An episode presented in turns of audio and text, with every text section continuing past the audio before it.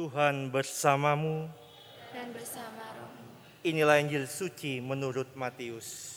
Dimuliakanlah Tuhan.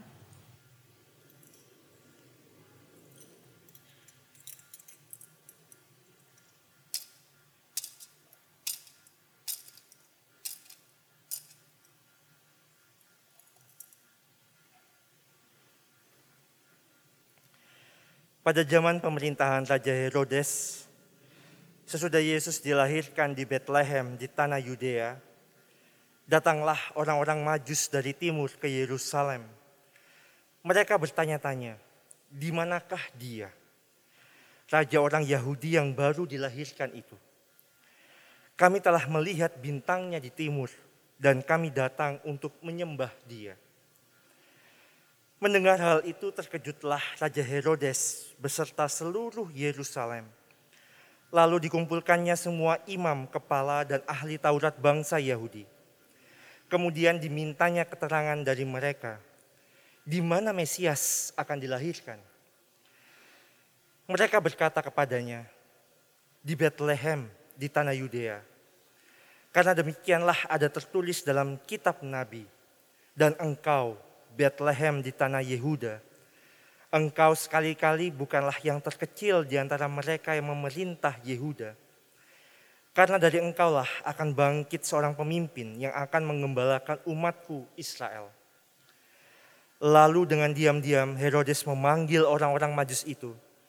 Dan dengan teliti bertanya kepada mereka kapan bintang itu tampak. Kemudian ia menyuruh mereka ke Bethlehem katanya. Pergi dan carilah anak itu dengan teliti. Dan segera sesudah kamu menemukan dia, kabarkanlah kepadaku supaya aku pun datang menyembah dia. Setelah mendengar kata-kata Ye, Raja Herodes, mereka pun berangkat. Lihatlah bintang yang mereka lihat di timur itu mendahului mereka. Hingga tiba dan berhenti di atas tempat di mana anak itu berada. Ketika melihat bintang itu, mereka sangat bersuka cita. Mereka masuk ke dalam rumah itu dan melihat anak itu bersama Maria ibunya. Lalu mereka sujud menyembah dia. Mereka pun membuka tempat harta bendanya dan mempersembahkan persembahan kepada anak itu, yaitu emas, dupa, dan mur. Kemudian karena diperingatkan dalam mimpi supaya jangan kembali kepada Herodes, mereka pun pulang ke negerinya melalui jalan yang lain. Demikianlah sabda Tuhan. Terpujilah, Terpujilah Kristus. Kristus. Bapak, Ibu, Saudara-saudari yang terkasih, pada bacaan yang pertama, kita diingatkan untuk bangkit dan menjadi terang. Dikatakan dalam kitab Yesaya, bangkitlah dan menjadi terang, sebab terangmu datang dan kemuliaan Tuhan terbit atasmu. Sebab sesungguhnya kegelapan menutupi bumi dan kekelaman menutupi bangsa-bangsa dan terang Tuhan terbit atasmu. Kegelapan itu apa Bapak Ibu? Selama kurang lebih dua tahun ini, pandemi merupakan sebuah kegelapan yang nyata bagi kita. Bagi seluruh dunia, virus yang begitu kecil yang tidak tampak bisa mengubah, meluluh lantakkan dunia, mengubah segalanya.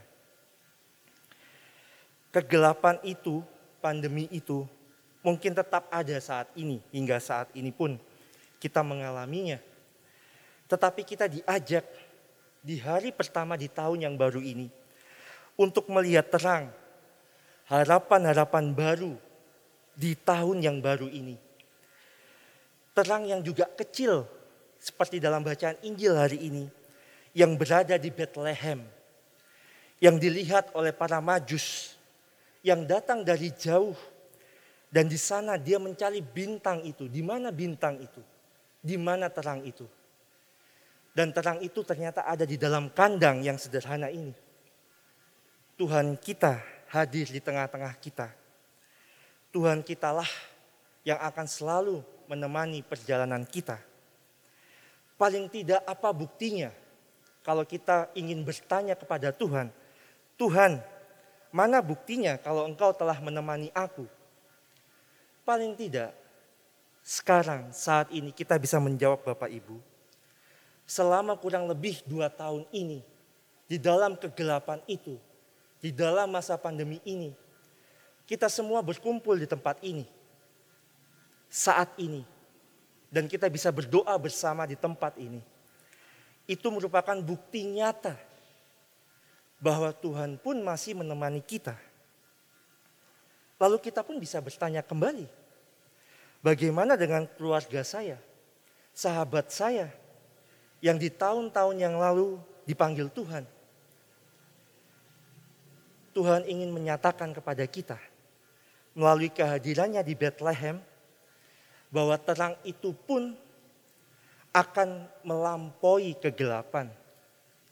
Karena Tuhan kita pun mengalami hal itu. Kegelapan itu, salib itu, salib yang besar itu. Tuhan pun mengalaminya. Tuhan bisa mengatakan kepada kita, Tuhan saya menderita. Tuhan kita di atas kayu salib pun mengatakan, ya saya juga pernah mengalami penderitaan yang sama. Tuhan saya sedih, Tuhan kita yang ada di atas kayu salib itu pun akan menjawab, "Ya, saya juga pernah sedih." Dan pada hari ini pun kita juga memperingati Bunda Maria, Bunda Allah. Saya juga bertanya-tanya, mengapa hari pertama di tahun baru ini kita meneladani juga Bunda Maria? Dalam renungan saya ketika saya merenungkan, mengapa Bunda Maria? Ya, kata ya itu Maria yang menerima kabar dari malaikat Tuhan, pada saat itu sebetulnya bukan kabar gembira sebetulnya. Itu kabar kegelapan bagi Maria. Bagaimana mungkin saya akan mengandung dan melahirkan? Karena saya belum bersuami. Saya belum menikah. Kalau orang lain tahu itu aib buat saya. Dalam tanda kutip, Yesus dikandung dalam keaiban itu yang bagi masyarakat pada saat itu sangat buruk. Ditolak, mengandung di luar pernikahan. Tapi justru Maria mengatakan, "Ya, jadilah kehendakmu menurut perkataanmu." Bukan menurut perkataan kita. Kita diajak kembali bersama Maria dalam situasi yang tidak mudah, yang sulit sekalipun Maria menjadi menjadi teladan buat kita. Di hari pertama ini, di tahun yang baru ini, apakah kita berani mengatakan ya, terjadilah kepadaku menurut perkataanmu. Tuhan kita yang mati di atas kayu salib pun nantinya akan bangkit. Berarti apa? Orang-orang yang sudah dipanggil selama dua tahun ini begitu banyak, jutaan orang. Bukan berarti mereka tidak disayangi Tuhan. Tidak. Tuhan pun menyayangi mereka. Dan Tuhan mengatakan sudah cukup waktunya. Dan biarkan mereka pun berbahagia saat ini di rumah Bapa. Kegelapan sering kali membawa kita hanya bisa diam. Hanya bisa bisu. Seperti Sakaria penderitaan sering kali juga membuat kita diam, tak bisa lagi berkata apa-apa. Tapi hari ini terang itu dinyatakan Bapak Ibu. Seburuk apa pun tahun-tahun yang lalu, masih ada tahun yang baru. Masih ada harapan yang baru. Kita tidak lagi diajak untuk bermimpi, tapi merealisasikan mimpi-mimpi kita. Kalau ada orang di samping saya kelaparan. Bukan lagi saatnya kita mendoakan, ya Tuhan semoga ada orang yang membantu orang di samping saya agar dia bisa makan. Ini adalah orang yang hanya bermimpi, punya mimpi. Tapi sekarang kita diajak untuk apa? Dalam bacaan di kedua dikatakan tugas penyelenggaraan kasih karunia kita diajak untuk membagikan cinta kasih itu secara nyata. Ketika ada orang di sebelah kita kelaparan, doa kita yang nyata adalah memberikan satu buah nasi bungkus, satu tempe atau tahu, satu gelas air putih. Dan untuk mereka yang kelaparan di samping saya.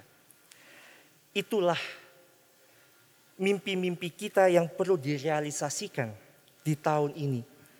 Tugas kita pada bacaan yang kedua jelas membagikan cinta kasih, kasih karunia. Dan kita tidak dituntut untuk melakukan hal-hal besar, tapi kita justru diminta untuk menyatakan kasih itu kepada orang-orang yang ada di sekitar kita. Seringkali kita dengar tak kenal maka tak sayang Bapak Ibu. Tapi yang terjadi sering kali sebaliknya. Makin kenal makin tidak sayang. Karena makin tahu kelemahannya, kerapuhannya, keberdosaannya, kekurangannya. Tapi justru di sanalah orang-orang sekitar kita yang sungguh mengenal kita dan sungguh kita kenal. Kita dipanggil untuk mencintai mereka. Kita dipanggil untuk membagikan cinta kasih kepada mereka. Bukan orang-orang di ujung dunia sana, tidak. Tapi orang-orang di sekitar kita. Dalam bacaan Injil dikatakan, mereka bertanya-tanya di manakah dia, raja orang Yahudi yang baru dilahirkan itu. Dengan kata lain, di manakah Tuhan itu? Seringkali kita bertanya, di mana Tuhan? Tapi yang terjadi sering kali sebaliknya Bapak Ibu. Kalau kita mengingat kejadian, kitab kejadian, kisah Adam dan Hawa, yang mencari bukan Adam dan Hawa, melainkan Tuhan sendiri. Adam, Hawa, di mana kamu? Di mana kamu? Mereka bersembunyi karena mereka merasa malu. Tuhan yang mencari kita. Ketika kita bertanya di manakah Tuhan, sering kali kita lupa bahwa Tuhan ada di dalam hati kita. Tuhan ada di sekitar kita dalam diri-diri orang yang kita cintai. Di manakah Tuhan? Mungkin Bethlehem itu ada di rumah kita, ada di hati kita, ada di kantor kita, ada di lingkungan masyarakat kita, ST, RW, kelurahan, kecamatan, di mana pun kita berada. Tuhan ada di situ. Tuhan tidak ada di tempat yang jauh di sana atau di ujung sana.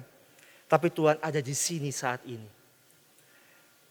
Dan kita diajak pada akhirnya menjadi bintang yang menunjukkan terang itu. Kita tidak diajak untuk menjadi superhero atau Spider-Man yang sekarang lagi viral ini ya filmnya. Kita tidak diajak untuk menjadi superhero.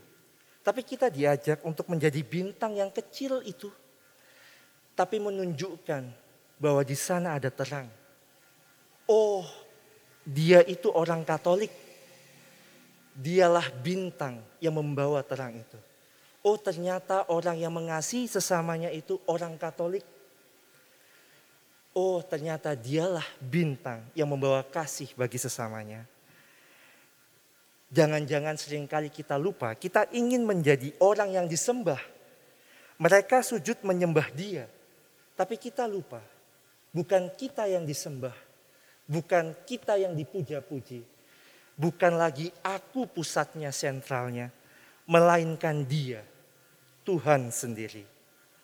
Marilah Bapak Ibu, saudara-saudari yang terkasih, kita diajak untuk sujud menyembah Dia pada hari pertama di tahun yang baru ini. Tuhanlah satu-satunya andalan kita. Tidak ada yang lain marilah selama satu tahun ini, satu tahun ke depan, marilah kita menjadi bintang yang membawa terang bagi sesama kita dan membawa kasih yang nyata bagi orang-orang di sekitar kita. Marilah kita hening sejenak merasakan kehadiran Tuhan saat ini dan di sini.